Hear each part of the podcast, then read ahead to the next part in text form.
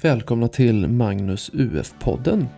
En entreprenörskapspodd om hur det är att starta och driva ett UF-företag. Som erfaren UF-lärare hoppas jag att du kommer få flera tips, tankar och idéer kring hur du kan lyckas med ditt UF-företag och i förlängningen förverkliga dina drömmar.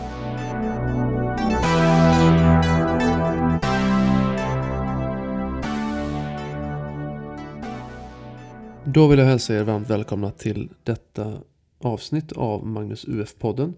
Som blir lite av ett specialavsnitt utifrån att vi kommer att fokusera väldigt mycket på marknadsundersökningen.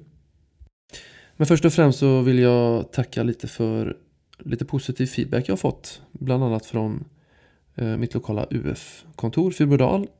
Tack för det. Eh, de tyckte också att podden kanske kunde lämpa sig även för UF-lärare ja, kanske det. Ehm, och fått lite positiva tankar och så även på eh, podcastappen. Så, så att, eh, tack så mycket för det. Men eh, nu kör vi igång lite med det här med marknadsundersökning. Och vad är då det? Jo, det är ju en undersökning som ni gör i era UF-företag för att få fram viktig info som ni behöver för att eh, komma igång med ert UF-företag och som ligger till grund för att ni ska kunna fatta bra beslut.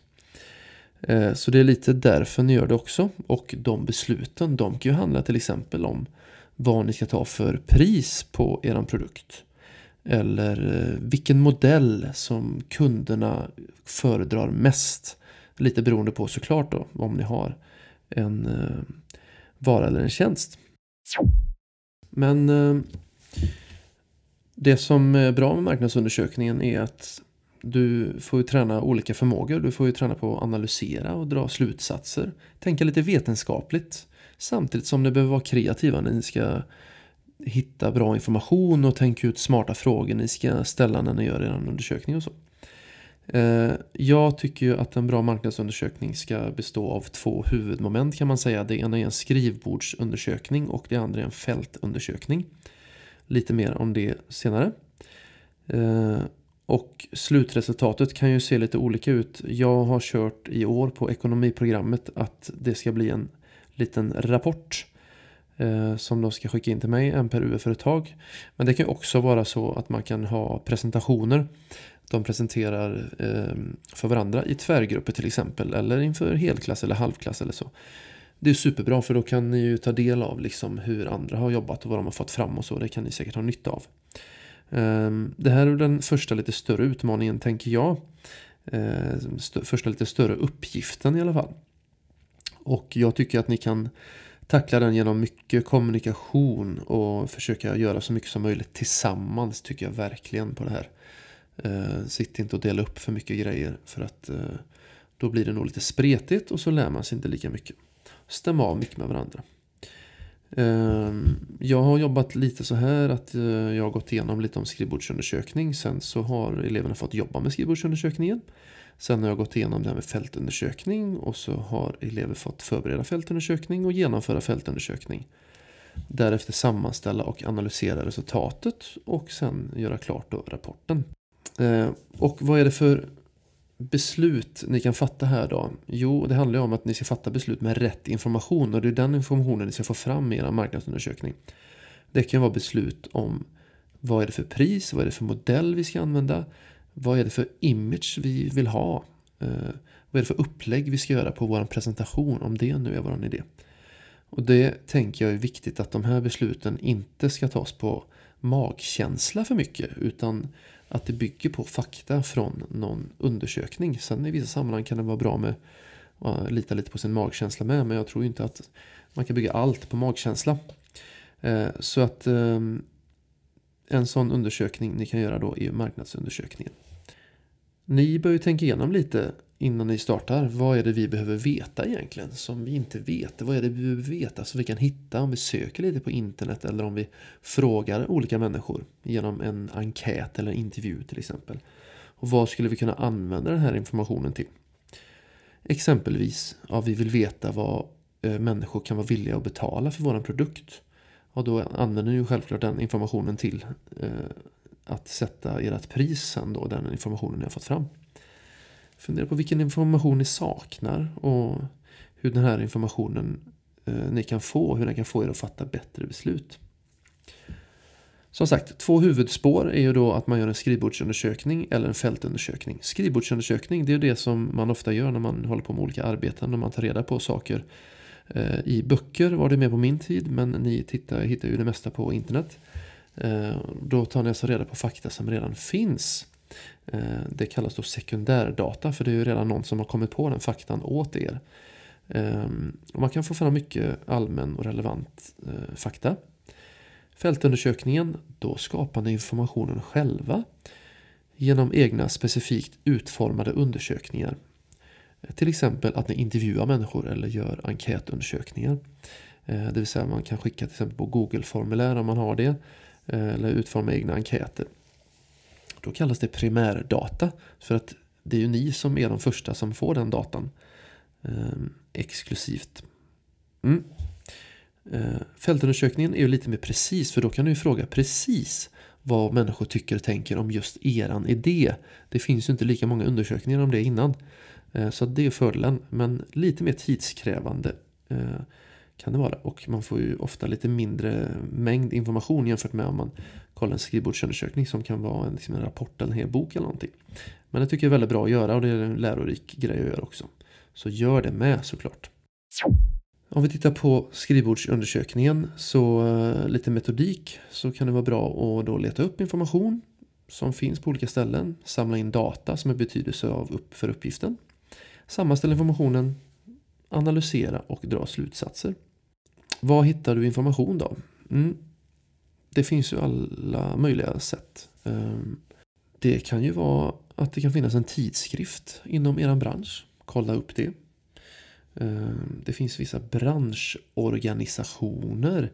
Till exempel en bransch som jobbar mycket med eh, svensk handel och svenska butiker och så som heter just Svensk Handel. Eh, de brukar släppa lite olika rapporter om svenska köpvanor och annat. Eh, man kan få information från olika myndigheter som Konkurrensverket, Konsumentverket och Statistiska centralbyrån. Och, så. och inte minst en aktuell myndighet som eh, många på vår skola har nytta av. För det är nämligen så att många vill jobba mycket med social entreprenörskap. Eh, föreläsa om eh, saker kring psykisk ohälsa eller kanske skriva en bok på temat eller lite både och. Då finns det ju en supermyndighet som är väldigt nyttig när det gäller de sakerna och det är ju då Folkhälsomyndigheten. Eh, Jag rekommenderar den för ett par stycken som sa att grymt, vi hittar hur mycket bra info som helst. För då kan man få reda på hur stort är vårt problem och vad har det gjorts för insatser om det innan och hur har det gått och så. Så man vet lite um, själv då när man ska ringa in sin affärsidé och sälja in sitt företag så kan man ju, det är bra att prata om att det här är ett stort problem. Och då är det bra om det inte bara är magkänslan som säger att det här är ett stort problem utan att man faktiskt har tagit reda på fakta som säger hur stort och allvarligt problem det här är. Och det kan ju inte gälla bara psykisk ohälsa utan det kan ju vara med ert problem med något annat som har med miljö att göra eller vad det nu kan vara. Ta reda på fakta. Det kan finnas andra organisationer, Friends till exempel om man nu vill jobba Eh, mot mobbning till exempel finns ju den organisationen. Eh, vi har Internetstiftelsen som är en organisation som varje år ger ut rapporten Svenskarna och internet har du hört talas om den? Kanske, kanske inte. Där får man jätteintressant information om våra internetvanor, inte minst på sociala medier och så. Och det är ju väldigt bra eh, för då har de kartlagt väldigt mycket kring våra vanor utifrån till exempel ålder och kön och så vidare. Så att där finns det ganska utförlig information om hur vi använder, då är det gjort eh, på människor i Sverige, hur vi använder oss av sociala medier utifrån olika ålderskategorier och olika sociala medier. Så då finns det staplar liksom med ja, hur vanligt är det med Facebook i åldrarna 0 till 14, 15 till 20 och så vidare. Nu bara hitta på åldrar. Men, så, och hur vanligt är det med Instagram, hur vanligt är det med Snapchat. Och det är ju superbra underlag när ni ska fatta välgrundade beslut kring vart ni ska marknadsföra er till exempel. Beroende på vad det är för ålder i er målgrupp så kan ni rikta er där de hänger mest såklart. Mm. Man kan hitta info på uppsatser, man kan hitta info om konkurrenter på eh, ratingsidor och deras hemsidor och sådär. Så att eh, här är bara fantasin som sätter gränserna vart ni hittar bra information. Sen är det såklart viktigt att vara källkritisk när ni är ute på nätet. Att ni kollar lite. Vem har gjort webbsidan? Är det en myndighet eller ett företag? Eller är det någon du litar på framförallt? Varför är webbsidan gjord? Är det för att informera? Är det för att göra reklam? Är det för att sprida en åsikt? Det är bra att ha koll på det. Eh, och hitta gärna information på andra sidor också som kan bekräfta det som du har fått fram. Det var lite om skrivbordsundersökningen. Nu tar vi lite om fältundersökning. Och då ska ni ut på fältet och undersöka den så kallade verkligheten. Eh, då skaffar ni själva information direkt från marknaden. Vad kan syften vara med en fältundersökning då? Ja, till exempel om ni vill veta vad en kund verkligen tycker om en viss produkt som kan vara en vara eller tjänst. Eller något helt annat. Man kan ju göra fältundersökning om man har en butik.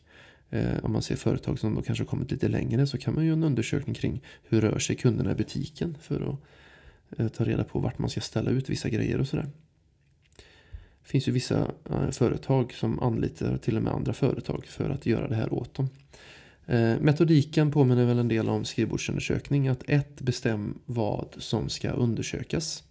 Det kan vara flera saker. Bestäm hur undersökningen ska gå till. Ehm, alltså välj metod. Ska det vara en intervju eller ska det vara enkät? Sen behöver ni göra ett urval för intervjuerna. Så ni behöver fundera på vilka ska vi fråga och varför just dem. Och det bästa är om man kan få ett så kallat representativt urval. Det vill säga att de ni frågar, om det är 10, 20, 50 eller 100 stycken, de ska ju i så hög grad som möjligt representera era framtida kunder då. Målpopulationen som det så fint heter. Um, för, så det är inte att de ni frågar har en helt annan uppfattning om saker och ting än de som är era riktiga kunder sen. Då blir ju lite snedvridet resultat. Därför gäller det att tänka till lite kring vilka man tror ens framtida kunder är. Det kan man ju visserligen delvis få reda på just genom sin marknadsundersökning. Genomför undersökningen, sammanställ resultatet och analysera resultatet.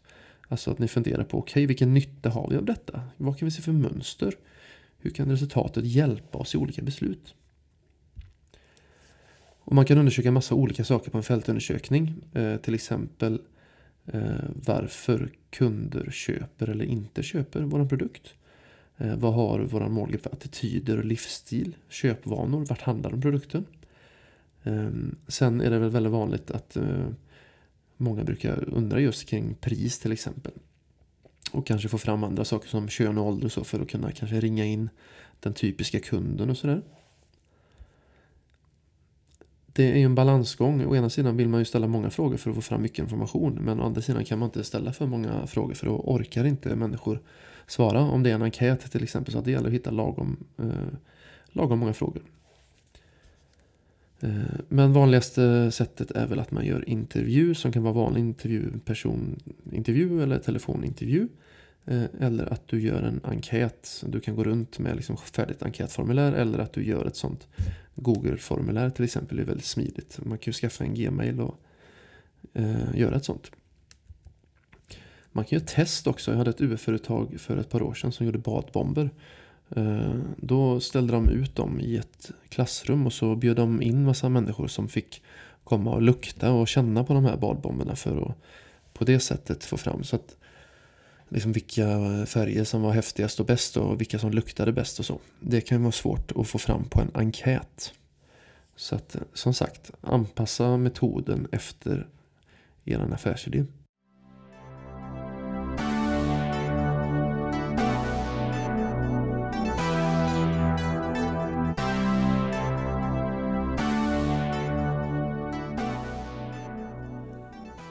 Styrdokument kan man kalla också de här dokumenten som ni eh, jobbar utifrån. Eh, som er eh, lärare har mest koll på.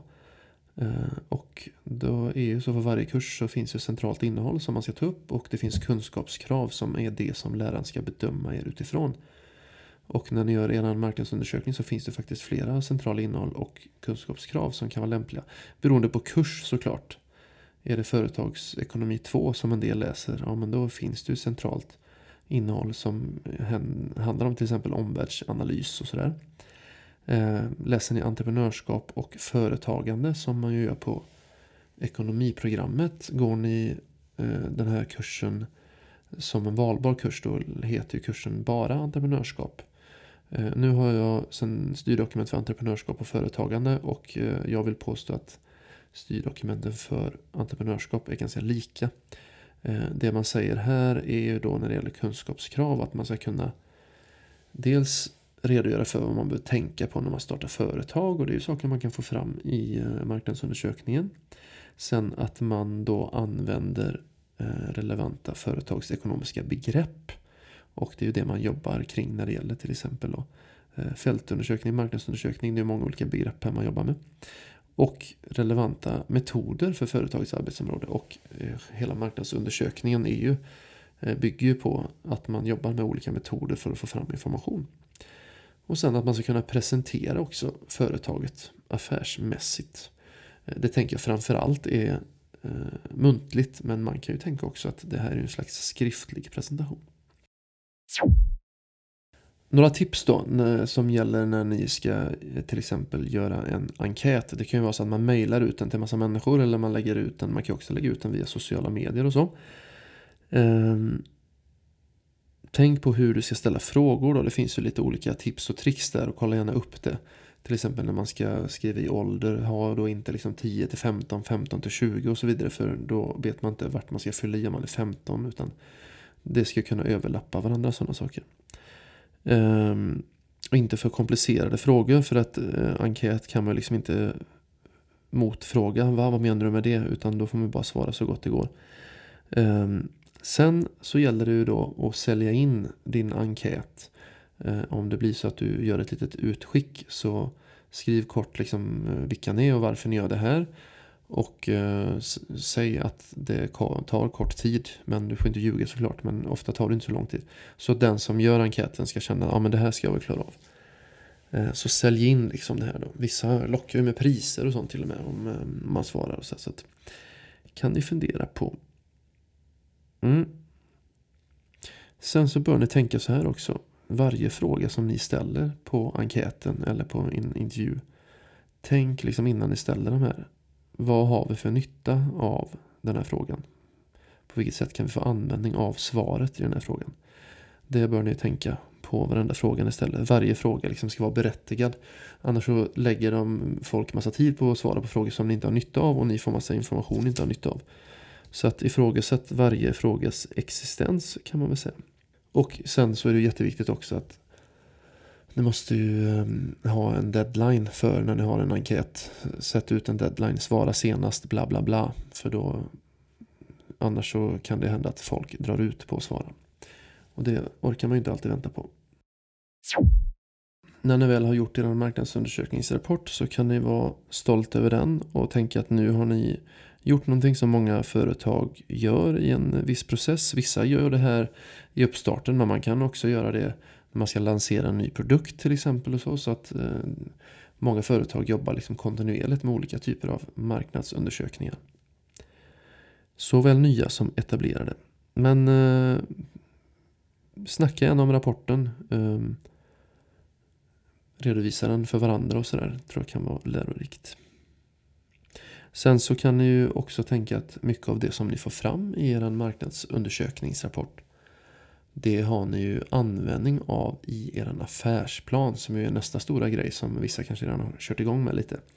För att en stor del, eh, ganska stor del i alla fall i affärsplanen handlar ju om att beskriva vilken marknad ni har och, så och olika saker som ni kanske har fått fram i er marknadsundersökning. Det är ju bra. Gött när man gör någonting som man har nytta av i flera sammanhang såklart. Mm. Det var det hela. Okej, okay, dags att börja runda av lite. Eh, som jag sagt innan. Har du några frågor eller önskemål på innehåll som jag tar upp? Eh, eller kanske vill du bara berätta lite om er idé och få lite gratis reklam? så eh, hör av er då till magnusufpodden gmail.com eh, eller via eh, Instagram-kontot magnusufpodden. Vi har fått lite frågor från en som kallar sig eh, Robert i Lund. Okej, okay, första frågan. Eh, tack för intressant lyssning. Efter att ha lyssnat på de två första avsnitten önskar jag mer information om detta. Om man har svårt att komma på en egen affärsidé, hur kan man göra då? Hur kan man ta hjälp av andra, till exempel lokala företagare, för att komma på sin idé? Mm. Ehm, då tänker jag lite så här, om man nu har väldigt svårt att komma på affärsidé, vilket Eh, är ganska vanligt. Eh, Börja med att vända inåt. Vad har jag för intresse? Vad är jag bra på? Finns det något av detta jag skulle kunna omvandla till en affärsidé? Du kan också fundera lite på vad vill jag? Vill jag sälja en produkt? Eh, vill jag tjäna mycket pengar? Eller är det viktigare för mig att bidra till samhället med något gott till exempel? De egna inre tankarna kan ju utgöra en bra stomme till vad du kan få för affärsidé. Eller komma på. När du då vänder dig utåt. Du kan ju till exempel bolla med din UF-lärare. Kring vad du tänker och då höra vad denne tänker om dina tankar. Eh, bolla gärna med andra vuxna om vad du tänker kring det, vilka intressen du har, vad du är intresserad av, vad du har spånat kring. Det kan ju ändå vara, även om man inte har färdigt det, så kan det ju vara inom ett område eller inom ett tema som man är nyfiken och utifrån det så kan du få hjälp. Eh, kolla med kompisar också, jämnåriga kanske. Eh, kan ju också kolla med lite kompisar i klassen och sådär. Sen har du ju såklart ditt lokala UF-kontor. Eh, och de är ju liksom heltidsproffs på sådana här saker. Så att eh, Eh, de kommer ju också ut till eh, skolorna emellanåt. Och kommer på inspirationspass och så. Så att det är väl några tips jag skulle kunna komma med vid den situationen. Och som eh, Robert också nämnde kan man vända sig till lokala företag. Det funkar också att göra. Ehm, jag vet, vi hade ett UF-företag i regionen från Strömstad förra året som kallade sig CT UF som blev enormt framgångsrika och tror på den lokala mässan vann 8-9 priser eller någonting. Så att de var superduktiga. De hade eh, tagit fram då eh, ett eh, te eh, med olika smaker baserat på eh, alger. Och de använde sig ju då av lokala forskningsinstitutioner och sånt som finns där ute på Strömstad som eh, liksom kunde hjälpa dem och säkert ge dem lite tips och idéer. Så att, mm, inte dumt. att eh, se vad, om det finns någon slags nisch där du bor eller så. Olika typer av företag. Kolla gärna med dem då vad de tänker kring olika idéer och sådär. Vad de saknar eller vad de skulle vilja ha mer av till exempel. Bra fråga. Nästa fråga. Avseende samarbetsavtal. Vilka är de vanligaste konflikthärdarna i UF-företagande? Om man vet vilka de är kan det ju bli lättare att skriva ett konkret och väl genomtänkt avtal. Hur kan man undvika dessa konflikter förutom via avtalet? Ja, eh, den vanligaste konflikten utifrån mina erfarenheter det är nog när man i UF-företaget upplever att man arbetar olika mycket. Man kanske haft förväntningar på att man ska jobba ungefär lika mycket och så blir det inte så. Eh, det kan bli slitningar på grund av den saken och först och främst tycker jag man kan vara ödmjuk och tänka utifrån två perspektiv här. Eh, visst kan det finnas de som eh, kanske en eller två som drar iväg lite i ett företag och jobbar på och så tycker de att hallå, de andra inte gör så mycket. Eh, men det kan också vara så att de som är på andra sidan så att säga kan ju uppleva att nu är det en eller två som bara drar iväg här och kör sitt egna race. Och så får inte vi riktigt vara med. Eh, säger inte att det behöver vara så, men det kan ju vara så om man ser det från andra perspektivet. För att den typen av konflikter har jag varit med om i företag som sedan har blivit väldigt framgångsrika. Ehm, så att där är det ju väldigt bra att ni stannar upp i så fall och eh, att ni får snacka lite om hur ni upplever situationen men att andra parten får uppleva hur de upplever situationen också. Det kan vara en riktig ögonöppnare ibland faktiskt. Eh, sen tycker jag att ni får gå tillbaka till ert Eh, det är, liksom, det är bra att snacka om hur ni tycker och tänker och red, försök liksom att ventilera lite.